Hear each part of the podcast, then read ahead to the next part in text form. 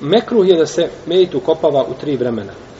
U vremenu kada sunce izlazi, kada je sunce na sredini neba i kada sunce zalazi. Radi hadisa Ukveta ibn Amira, radijallahu anhu, da je rekao, zabranio nam je poslanik sa osreme da klanjamo u tri vremena i da ukopavamo naše mrtve. Kada sunce izlazi dok ne oskoči i kada je u sredini neba, znači dok ne pređe na drugu polovinu i kada krene ili kada počne zalaze dok ne zađe.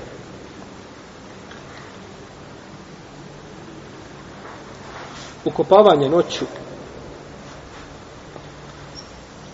bez potrebe je mekru. Prenosi se u hadisu džabira koga bilježiva muslim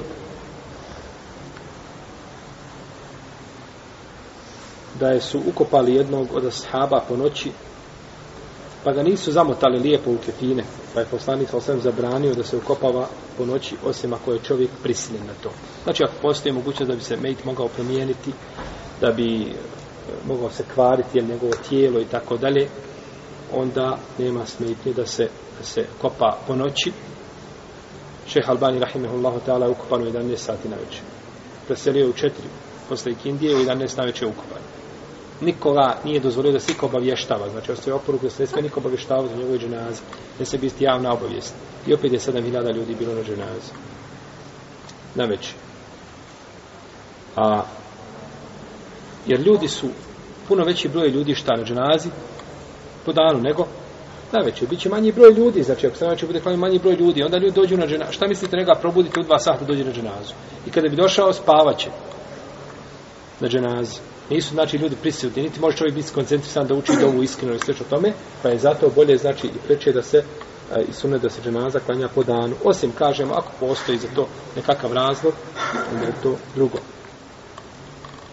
Jer prenosi se od poslanika, sa osaleme, da je, da je ukopavao, da je došao kod Tirmizije sa dobrim lancem prenosilaca, da je ukopavao po noći, i da je čak jedne prilike spustio svjetlo ili, ili svijeću, svijeću da je spustio sa sobom, znači, onaj, ili, ovaj, a, u, u, kabor, da bi vidio, znači, kako će Mejte šta smjestiti.